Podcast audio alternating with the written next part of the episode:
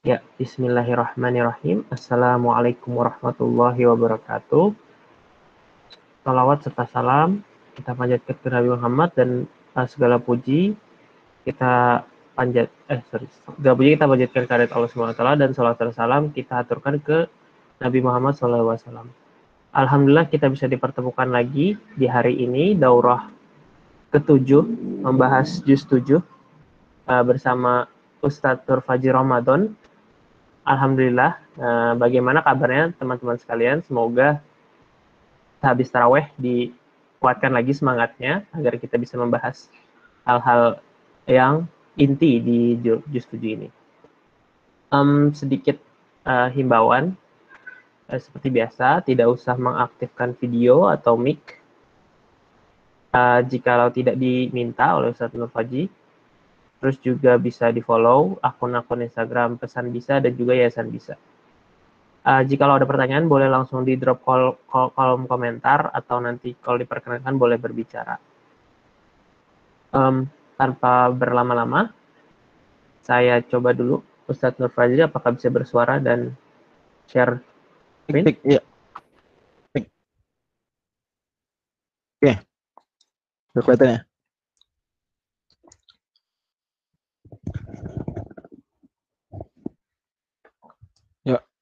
Udah bisa dimulai?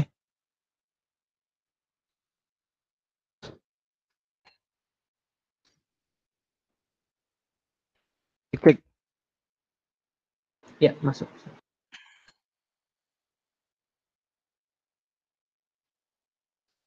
Mulai ya. Pada bisa screen.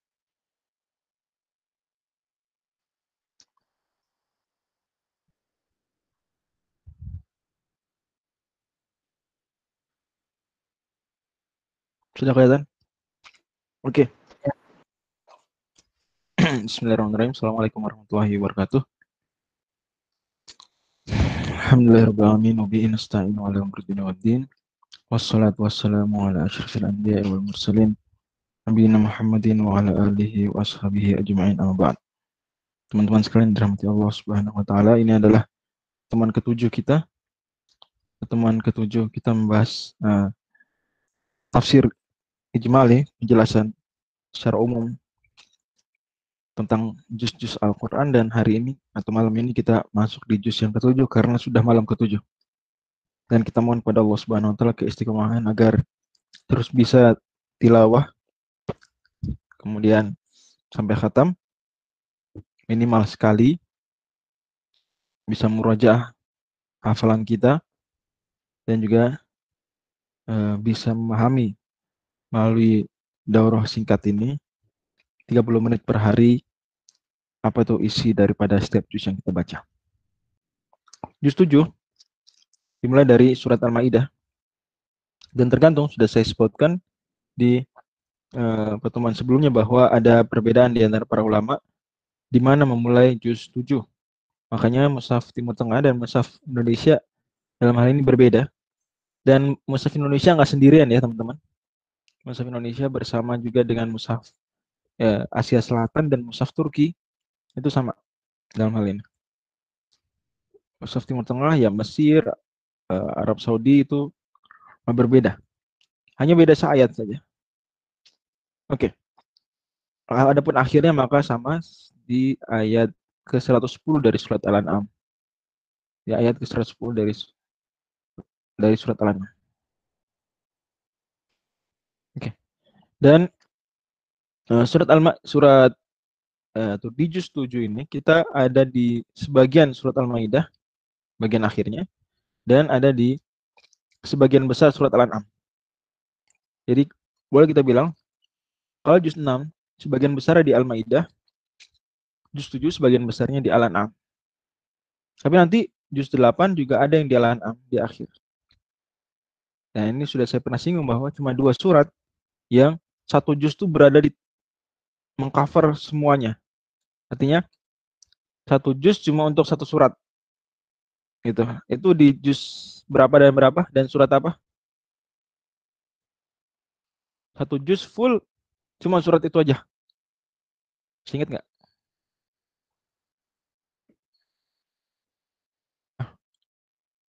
Al-Baqarah dan Anisa.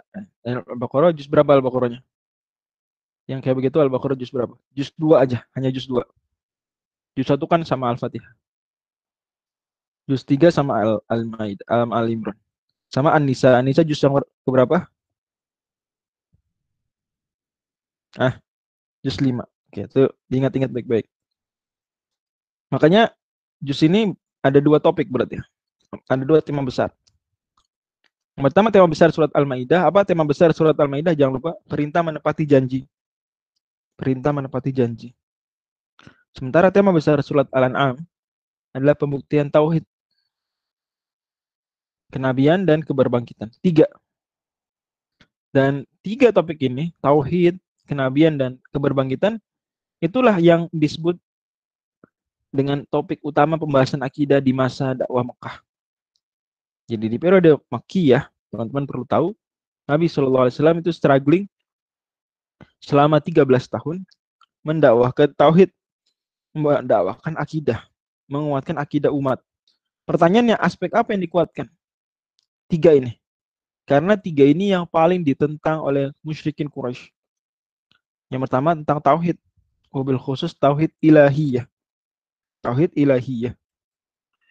Ini orang Quraisy mengakui sih bahwa Allah yang mencipta, Allah yang uh, memberi rezeki. Tapi mereka kalau ibadah tidak hanya kepada Allah, tapi kepada Allah dan kepada selain Allah juga.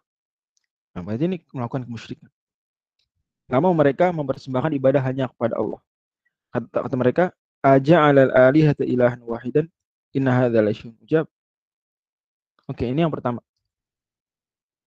Kata mereka, apakah si Muhammad ini ingin menjadikan Tuhan-Tuhan yang banyak menjadi satu saja? Aneh sekali, nah, kata mereka. Oke, jadi tauhidullah. Yang kedua adalah tentang apa? Kenabian.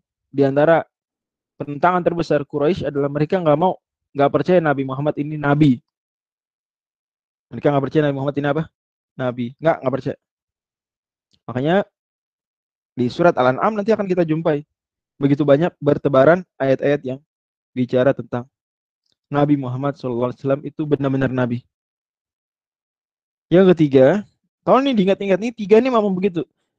Banyak sekali literatur saya baca itu mereka setuju dengan tiga tiga ini, ya bahwa memang hal yang ditentang oleh musyrikin Quraisy itu berujung pada tiga hal. Ya ini tiga yang dibahas gitu ya apa tauhidullah mereka nggak percaya tauhid terutama tauhid ilahiyah kemudian kenabian kemudian keberbangkitan mereka nggak percaya.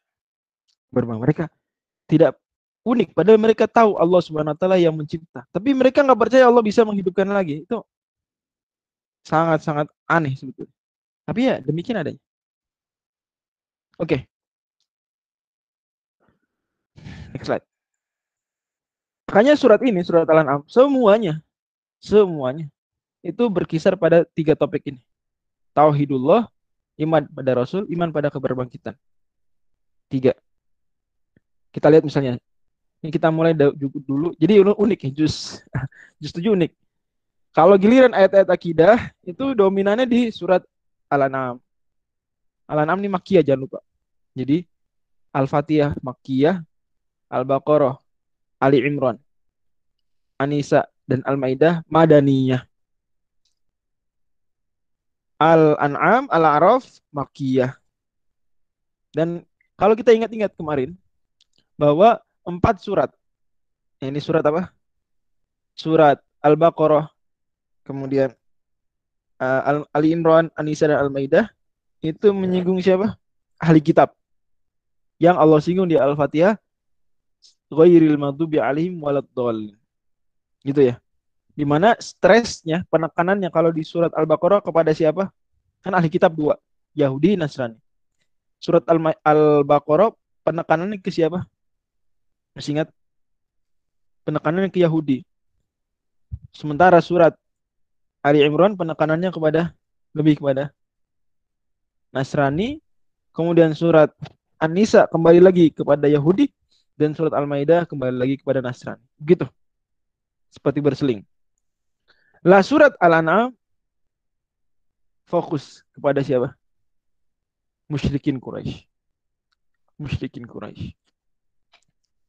Malahan surat Al-An'am luar biasanya adalah surat yang turun utuh sebagaimana dibawakan riwayatnya dalam tafsir At-Tabari bahwa malaikat Jibril datang membawa surat Al-An'am didampingi 70 ribu malaikat. Utuh surat Al-An'am. Jadi malaikat Jibril datang ke Nabi SAW malam-malam kemudian membawa surat Al-An'am, membacakan surat Al-An'am bersama malaikat Jibril berapa malaikat? 70 ribu malaikat. Dan kalau dari sudut pandang lain maka berarti Nabi SAW malam itu menerima wahyu sebanyak 165 ayat. Kalau kita mau bahasakan lebih wah lagi, berarti Nabi Muhammad SAW menghafal malam itu berapa? Langsung 165 ayat. Masya Allah.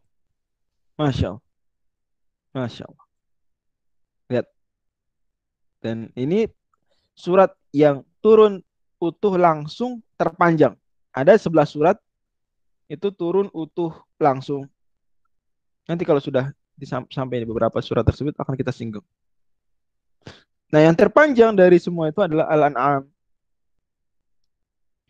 Masya Allah. Makanya kesatuan topik dalam surat Al-An'am itu lebih nyata. Semakin sangat kuat. Kenapa? Karena ya selain dia setiap surat punya satu topik juga karena turun sekaligus. Jadi semakin semakin luar biasa koherensinya. Nah, saya singgung bahwa semua surat Al-An'am isinya tiga ini. Makanya saya bingung juga ngasih ayat tauhid dulu ayat berapa. Dan semuanya, semuanya iman pada Rasul ayat berapa. Oke, kita buka satu persatu surat Al-An'am. Misalnya surat Al-An'am itu bahas langsung dari awal surat segala puji bagi Allah.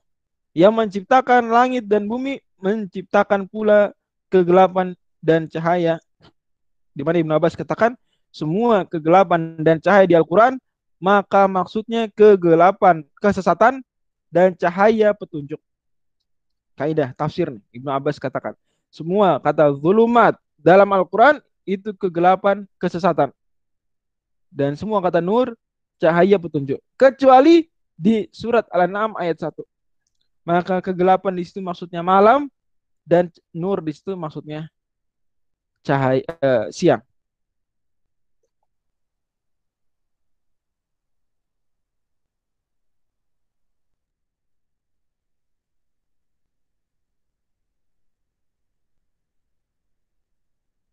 Tapi kata Allah Subhanahu wa taala, "Tsumma ladzina kafaru bi rabbihim ya'dil." Langsung ke tauhid. Tetapi meskipun Allah lah yang menciptakan seluruh langit, seluruh bumi, yang menciptakan kegelapan, cahaya, yang menciptakan siang malam, tapi orang-orang musyrikin malah musyrik. Summaladzina kafaru birabihim ya'dilun. Langsung. Seolah-olah Allah bilang gini, kok kalian bisa ya?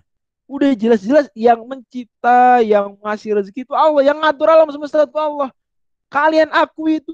Tapi kok kalian giliran mempersembahkan ibadah kepada Allah dan kepada selain Allah juga. Siapa selain Allah nih? Apa jasa mereka? Apa peran mereka? Gak ada kalian akui bahwa betul-betul yang ngatur, yang cipta tuh Allah. Yang lain nggak punya peran. Tapi kalian malah, nah ini, kalian malah berbuat kemusyrikan. Sumaladina kafaru birobihim ya'dil.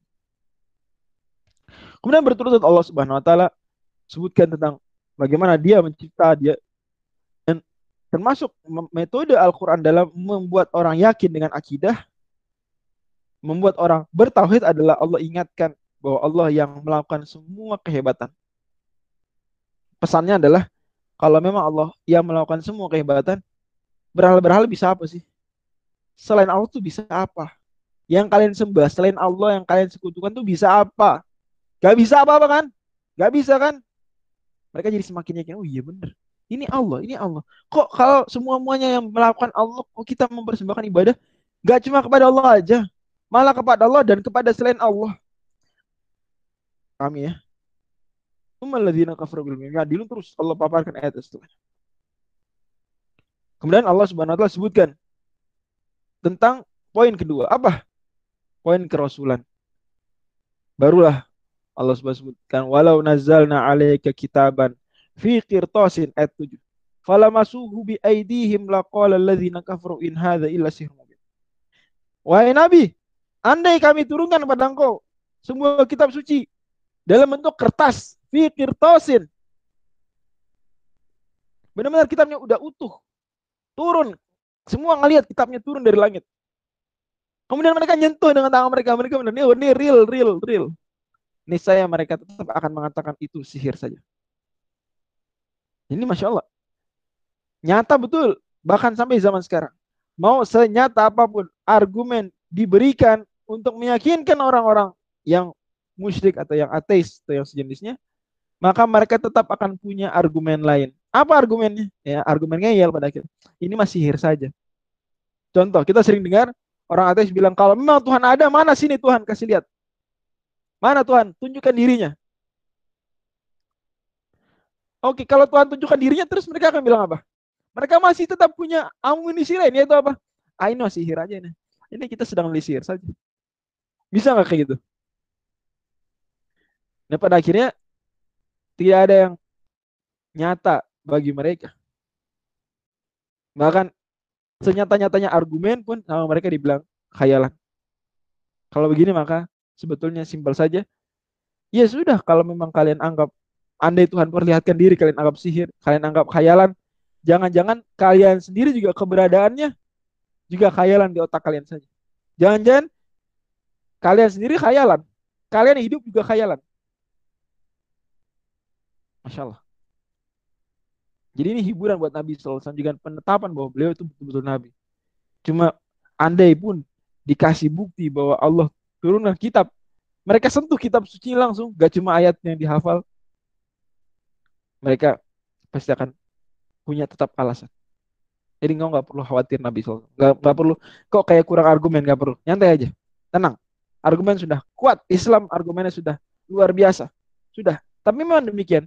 Selalu ada celah. Bukan karena kelemahan Islam tidak bisa menghadirkan argumen. Bukan.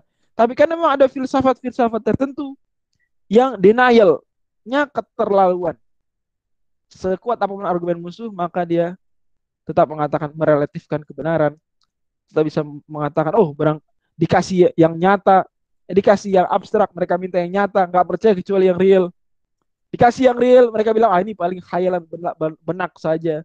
Begitu. Berarti tidak berguna diskusi dengan orang yang seperti ini. Tidak berguna. Tidak berguna. Makanya ini sering diistilahkan kaum sofis ya, kaum sofis. Suf iya istilahnya dalam dalam buku-buku akidah. Allah bilang lagi, mereka protes. Ya, ya lagi. Kalau memang Nabi Muhammad Rasul, ya jangan manusia lah. Malaikat aja. Malaikat aja. Kata Allah, kalau seandainya malaikat yang diutus, mereka ingkar, bisa-bisa mereka akan binasa. Karena meminta tanda tertentu kemudian tidak beriman dan di antara sunatullah kalau orang musyrikin musuh-musuh para nabi minta suatu tanda, minta suatu mujizat, request diberikan persis sesuai requestnya, kemudian nggak beriman, maka dihukum mati.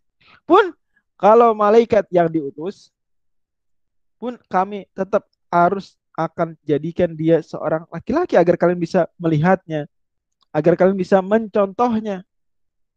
Dan pada akhirnya kalian akan protes juga meskipun aslinya dia malaikat tapi karena harus menjelma jadi manusia kalian akan bilang ah ini sebetulnya bukan nabi bukan malaikat. Kita butuh yang malaikat. Dan pada akhirnya Allah Subhanahu wa taala kemudian menghibur Nabi SAW di ayat 10 ah tidak hanya engkau wahai nabi yang diledek tidak hanya engkau wahai nabi yang dilecehkan. Semua para nabi walaupun istuhzi'a bi rusul min qablika. Sungguh semua nabi sebelum kau juga sudah dilecehkan. Qabil ladzina sakhiru minhum. Maka nabi yastajib Poin kedua. Poin ketiga. Tentang hari berbangkit. Langsung saja Allah Subhanahu wa taala kemudian firmankan di halaman yang ketiga. Jadi halaman pertama, poin pertama. Halaman akhir halaman pertama dan halaman kedua, poin kedua. Dari surat Al-An'am. Halaman ketiga. Dan seterusnya Allah Subhanahu wa taala panjang bicara tentang hari akhir. Allah Subhanahu wa taala wa yauma nahsyuruhum jami'an ayat 22 hari ketika kami himpun mereka semua. Orang-orang musyrikin. Dikumpulin. Kemudian Allah bilang, mana sekutu-sekutu kalian? Mana? Kemudian mereka pada akhirnya kelimpungan, bingung karena berhala-berhala mereka tidak dibela. Kata Allah bal badalahum makanu yufuna min qabl. Nampak saat itu apa yang mereka sembunyikan dari keraguan terhadap berhala. Apa yang mereka selama ini sembunyikan dari dosa-dosa mereka. Tapi mereka kemudian ingin, oh ya Allah kita baru sadar sekarang bahwa ternyata apa yang kita lakukan salah. Bahwa memang hari berbangkit itu nyata, real. Kalau kita kembalikan kami, kata Allah, walau ruddu la'adu liman hu'an wa innahum lakadzibun. Kalau seandainya, kalau seandainya mereka diberi kesempatan untuk kembali ke dunia pun kata Allah la'adu limanuhu anhu mereka akan kembali melakukan kemusyrikan. Dan ini diambil dari sini pelajaran bahwa Allah Subhanahu wa taala mengetahui apa yang telah terjadi, apa yang sedang terjadi, apa yang belum terjadi dan akan terjadi, dan apa yang tidak terjadi bagaimana seandainya terjadi. Berarti Allah mengatakan empat, empat, ya, empat hal. Itu yang pertama yang sudah terjadi, yang sedang, yang akan datang dan yang tidak terjadi bagaimana seandainya dia terjadi. Ini tidak Allah tidak takdirkan akan terjadi yaitu reinkarnasi mereka tidak Allah takdirkan. Tapi andai mereka betul-betul reinkarnasi, Allah tahu bagaimana kelanjutan cerita mereka. Dan sampai-sampai ketika wukifu ala robbihim, mereka di, sudah diberdirikan di depan Allah. Hadza bil Allah bilang, "Mana? Ya ini benar, benar kan ini? Ah, real kan?" Baru mereka, "Benar ya Allah, benar ya Allah." Teman-teman sekalian dari Allah Subhanahu wa taala, itulah kemudian tiga topik utama surat Al-An'am yang menjadi bagian terbesar dari juz 7 yaitu tentang tauhid pada Allah, iman pada Rasul, iman pada kebangkitan. Nanti berulang-ulang Allah Subhanahu wa taala akan kuatkan tauhid pada Allah, iman pada Rasul, iman pada kebangkitan. Dan Allah Subhanahu wa taala nanti akan ada ayat ya Wa idza ra'aita alladziina yakhuduna fi ayatina fa'arid anhum hatta yakhudu fi haditsin ghairi. Kalau seandainya ada orang-orang yang sedang mencela Islam, sedang meledek Nabi, sedang menghina agama, maka berpalinglah. Di ayat 68, dilarang orang-orang Islam untuk duduk-duduk bersama orang-orang yang sedang melecehkan Islam. Adapun hukum-hukum fikih, maka sebaliknya justru beradanya di surat Al-Maidah. Di surat Al-An'am juga justru praktis. Terutama di juz 7 ya. Nanti di juz 8 baru ada beberapa hukum fikih. Itu pun hukum fikih yang ringan. Oke. Okay. Hukum fikih yang mendasar. Adapun hukum fikih yang advance itu justru di surat Al-Maidah. Dan itu wajar, makanya surat Al-Maidah satu-satunya surat. Catat. Surat Al-Maidah satu-satunya surat yang diawali dengan ya ayyuhalladzina amanu. Satu-satunya surat yang diawali dengan ya ayyuhalladzina amanu adalah uh, surat Al-Maidah. Dan surat Al-Maidah jelas uh, pesan-pesan keimanan sangat kuat bukan untuk menguatkan keimanan lagi enggak tapi untuk meminta konsekuensi dari iman. Kalau kalian beriman maka patuhi. Kalau kalian beriman maka patuhi. Seperti itu. Di antara aturan syariat yang Allah Subhanahu wa taala sebutkan dalam surat Al-Maidah adalah larangan mengharamkan hal. La tuharrimu thayyibati ma ahlallahu lakum wa la ta'tadu. Di antara aturan syariat yang Allah Subhanahu wa taala syariatkan. Oke, sebentar. Uh, nampaknya apa yang dinyatakan sebagian penafsir tidak akurat ya terkait dengan surat Al-Maidah saya juga barusan kepikiran ketika saya bawakan fakta ini saya tadi baca sebagian sumber Al-Maidah saja yang di awal dengan ya enggak enggak ini tidak tepat. Uh, sebetulnya ada ada surat lain yang di awal dengan ya ayyuhalladzina yaitu surat apa? Al-Mumtahanah. Surat Al-Mumtahanah di awal dengan ya ayyuhalladzina ya tidak akurat berarti. Itu ini catatannya. Tidak semua yang disebutkan ulama tafsir itu akurat. Uh, mungkin ada pertimbangan tertentu atau lalai atau lupa Oke, jadi pada akhirnya uh, ada juga surat yang diawali dengan ya Allah yaitu surat apa? Surat Al Al. Oke, lanjut dulu. Tapi kita bisa dapat pesan bahwa Al-Maidah diawali dengan ya ayyuhalladzina manu sebagaimana Al-Mumtahanah itu kita berarti dapat bahwa ini memang udah masa-masa akhir sampai-sampai yang dipanggil orang beriman. Bahkan sangat banyak di surat Al-Maidah ada uh, ada 16 panggilan ya ayyuhalladzina manu. Sangat banyak. Padahal total panggilannya Iladina Manu itu 80-an. Berarti kurang lebih ada 25% atau 20 persennya itu di surat Al-Maidah. Ada aturan ini aturan advance advance semua. Kafara sumpah. La yu'akhidukum Allah billahi fi aimanikum wa yu'akhidukum bima aiman. Bagaimana kafara sumpah Allah sebutkan yaitu memberikan makan 10 miskin atau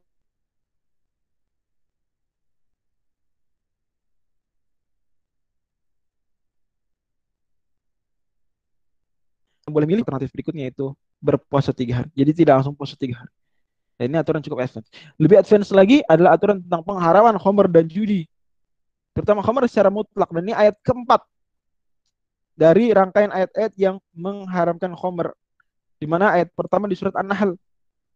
Allah Subhanahu wa firmankan, "Wa min samaratin nakhili wal anabi tattakhiduna minhu sakaran wa rizqan hasana."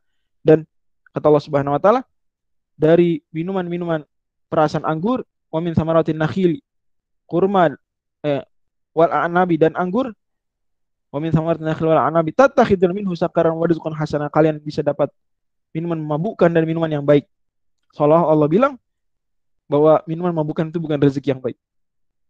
Berikutnya, adalah Allah Subhanahu wa surat Al-Baqarah menyebutkan yas'alunaka 'anil khamri wal maisir qul fihi ma itsmun kabir wa manafi'u lin-nas wa itsmu akbaru min naf'ihima. Mereka bertanya pada engkau wahai Nabi tentang khamr dan judi. Katakan, di dalamnya ada manfaat, ada keuntungan. Tapi dosanya lebih besar daripada manfaatnya. Berarti sini ya Allah masih seperti di surat An-Nahl belum ada larangan, baru kode saja. Surat Al-Baqarah pun belum ada larangan, baru kode. Masa sih kalian mau mengonsumsi sesuatu yang dosanya lebih besar daripada manfaatnya. Di surat An-Nisa baru kita kemudian sudah ketahui bahwa Allah melarang la taqrabu sholat atau antum sukaro. Tidak boleh mabuk kalau mau dekat waktu sholat. Sekarang ya ayyuhalladzina amanu innamal khamr wal maisir wal ansab wal azlam rijsun min amali syaitani fajtanibuhu la'allakum tuflihun. Khamr, judi, mengundi nasib dengan panah. Semuanya adalah haram. Di surat Al-Maidah di juz 7 juga Allah Subhanahu wa taala menyebutkan lanjutan aturan haji dan umroh. Terutama terkait dengan bagaimana jika ada orang yang melanggar pelanggaran-pelanggaran haji apa dendanya. Di juz 7 surat Al-Maidah juga Allah Subhanahu wa taala sebutkan tentang aturan wasiat. Syahadatu bainikum idza. Bagaimana? Kemudian persaksian terhadap wasiat tersebut. Ini sekali lagi dua aturan yang sangat advance. Ya, aturan haji umroh, aturan wasiat dan itu wajar karena surat Al-Maidah sebagaimana kata Aisyah radhiyallahu anha adalah surat ayat ahkam yang terakhir turun. Ini surat penuh dengan ayat hukum yang terakhir turun kata Aisyah, "Fama uhilla fiha fa'ahilluhu wa ma hurrima fiha faharrimuhu." Apa-apa yang dihalalkan di surat Al-Maidah yakin itu halal. Apa-apa yang diharamkan di surat Al-Maidah yakin itu haram. Muhkam ini ayatnya. Oke. Okay? Termasuk juga Jarir juga ketika membawakan ayat tayamum ya, membawakan riwayat tersebut maka para sahabat senang. Kenapa? Karena Jarir masuk Islam terakhir sekali. Terakhir sekali sudah tahun 10. Surah Al-Maidah pula. Maka berarti bukti bahwa aturan tersebut tidak lagi ternasah. Adapun cerita, adapun cerita, maka menarik ya surat Al-An'am itu minim cerita, minim cerita. Hanya isyarat-isyarat saja, tidak menyebut nama. Menarik. Surat Al-Baidah justru apa? Di bagian akhirnya ada dua kisah. Yang kisah tersebut sebagaimana sudah kita singgung, pastilah mengkritik Nasrani. Karena surat Al-Maidah stressingnya ke Nasrani. Allah Subhanahu wa taala di surat ini di akhirnya bahwa mereka orang-orang Hawariyun request minta diturunkan hal yastatiu rabbuka an yunazzila alaina ma'idatan minas sama. Bisakah Tuhanmu me, uh, menurunkan buat kita sebuah hidangan dari langit. Maka Nabi Isa tadinya nggak mau, karena khawatir kalau diturunkan apa yang mereka request dari tanda kekuasaan Allah, kemudian mereka nggak percaya akan diazab. Itu sudah sunat Allah. Kemudian Allah Subhanahu Wa Taala sebutkan mereka request lagi, janji kita akan beriman. Maka diturunkanlah Nabi Isa kemudian berdoa, Rabbana anzil alaina ma'idatan minas sama'i takunna al-'ida li wa akhirina wa minka warzuqna wa. Nah Allah sudah bilang, aku akan turunkan sesuai dengan request engkau. Maidah dari langit. Makanan dari langit. Langsung mereka lihat. Turun dari langit. Tapi kalau mereka ingkar fa'iyakfur biha ulaika faqad waqalna biha qauman Kalau eh, kalau seandainya mereka ingkar, maka sungguh fa ini wa'adzibu azaban la wa'adzibu ahla minal alamin. Aku akan azab mereka dengan azab yang tak ada seorang pun aku azab dengan azab tersebut dari alam semesta. Yani azab yang unik, azab yang tidak ada duanya. Ternyata azab tersebut adalah menimpa mereka karena ada di antara Bani Israel yang ketika sudah turun Ma'idah dari langit, mereka malah tetap ingkar. Maka Allah Subhanahu wa taala mengutuk mereka semua menjadi babi, mengutuk mereka semua menjadi babi sebagaimana dinyatakan dalam tafsiran-tafsiran sahabat. Di akhir surat ini juga Nabi Isa berpidato. Allah minta klarifikasi. Nabi Isa, anta qulta linnasi takhiduni wa ummi ilahaini min dunillah? Apa kamu yang nyuruh manusia musyrik? Kamu nyuruh manusia trini, membuat akidah trinitas? Nabi Isa mengatakan, "Ma suci kau mustahil, ma ma qultu lahum illa ma amartani bihi an ibudullaha rabbi wa rabbakum."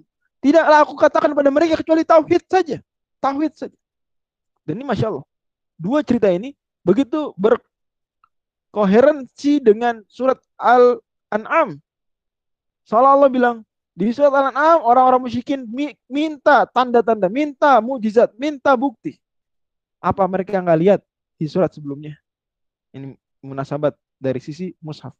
Apa mereka nggak lihat sebelumnya? Bahwa ashabul ma'idah mereka request tanda kekuasaan Allah, nggak percaya dihukum jadi babi. Mau kayak gitu. Juga akhir surat Al-Maidah konen dengan surat Al-An'am tentang tauhid. Bahwa pada akhirnya tauhid adalah awalan wa akhiran. Tauhid pertama, dakwah pertama tauhid. Sampai akhir pun tauhid. Bersama-sama terus dengan topik-topik lain, nilai-nilai tauhid tidak boleh dilupakan. Nabi Isa kemudian berpidato membuat sesak dada siapa pun yang memiliki keyakinan Trinitas bahwa Nabi Isa sendiri kemudian mengatakan bahwa ia tidak mengajarkan itu. Nabi Isa membuat klarifikasi di depan seluruh manusia. Wallahu bisab. Itu yang bisa kita kaji. Dan itulah kemudian yang Allah Subhanahu wa taala uh, sebutkan di akhir juz dari tujuh ini. Allah mengatakan laqad taqat bainakum wa dhalla ankum ma kuntum tafturun bahwa telah hilang semua apa yang kalian bayangkan bisa menolong kalian. Tidak ada yang bisa menolong kalian kecuali Allah. Wa nuqallibu afidatahum wa absarahum.